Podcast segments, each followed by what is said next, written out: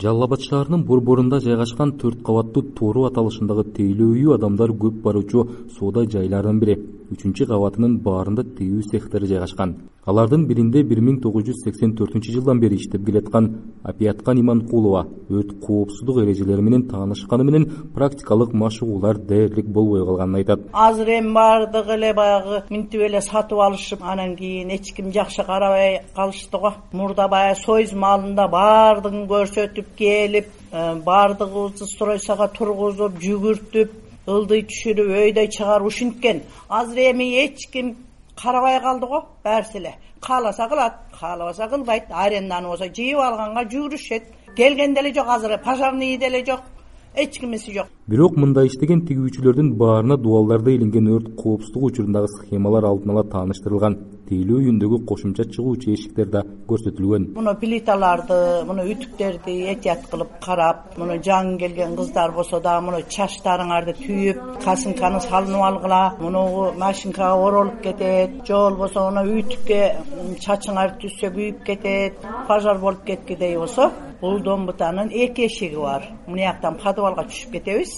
Бул жактан эшикке чыгып кетет. Шаар борборундагы үч кабаттуу эски имараттын жогорку кабатында жайгашкан балдар ойноочу беби парк аталышындагы оюн зоок жайы учурда оңдоп түзөө курулуштары жүрүп жаткандыгына карабай балдарды кабыл алууда. Имарат ичиндеги балдар ойноочу жайдан өрт коопсуздугун алдын алууга байланыштуу эч бир шаймандарды кезиктирүүгө болбойт өзүн администратормун деп тааныштырган аял бул багытта мындай деди. Бизде эч кандай резетка безетка жок бул жерлердечи кухняда газам жок эчтеке жок. Просто пока временно могу жылдырдык. А так бизде аркы жакта полный эмелер черный ход өзүбүздүн временный бар эле колдонуучу нерселерибиз могу майдандарда суранышкан өздөрү элдерчи. Ошон үчүн баарын бери жака жылдырып туруп эле жаап салсак звонить кылып тополоң кылышат ачып бергиле балдар катап ойноп турсун деп. Ошо опасный эчтеке деле жок. Өзүм постоянно контроль и бизде постоянно камера текшерип турабыз ким келди ким кетти даже балдардын безопасностуна жооп берет ким түшүп кетти мамлекеттик экологиялык жана техникалык коопсуздук инспекциясынын жалал абад шаардык жана сузак райондук регионалдык башкармалыгынын кызматкерлери. Былтыркы жылы шаардагы базарларда ири соода түйүндөрүндө текшерүү иштерин жүргүзүшкөн. Анын жыйынтыгында көпчүлүк базарларда өрт коопсуздук эрежелери сакталбагандыгы аныкталган дейт. Башкармалыктын өрт көзөмөлү боюнча башкы инспектору акылбек анарбаев. Э, сегиз базар текшерилген. Жалпы суммасы кырк үч миң сом айып салынган бул базарларда өрт өчүрүүчү техникалардын кире албай калышы күтүлөт электр зымдарынын абалы дагы өзгөчө көңүл бурушпайт да.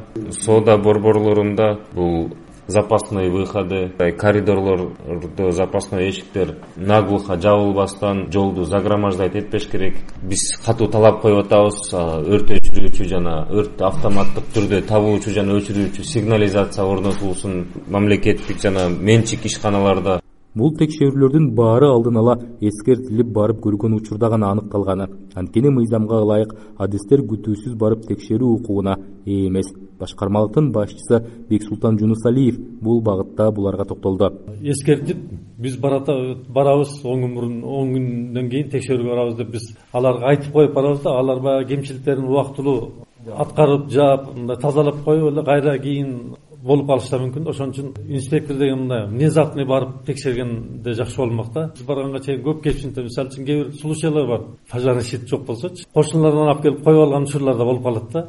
Кетип атып көрүп каласың. Анан баягы чоң объектилер болсо аларга кире албайсың да. Кире албайсың да. Себеби дегенде колуңда предписание болуш керек да. Руслан калматов азаттык жалал абад облусу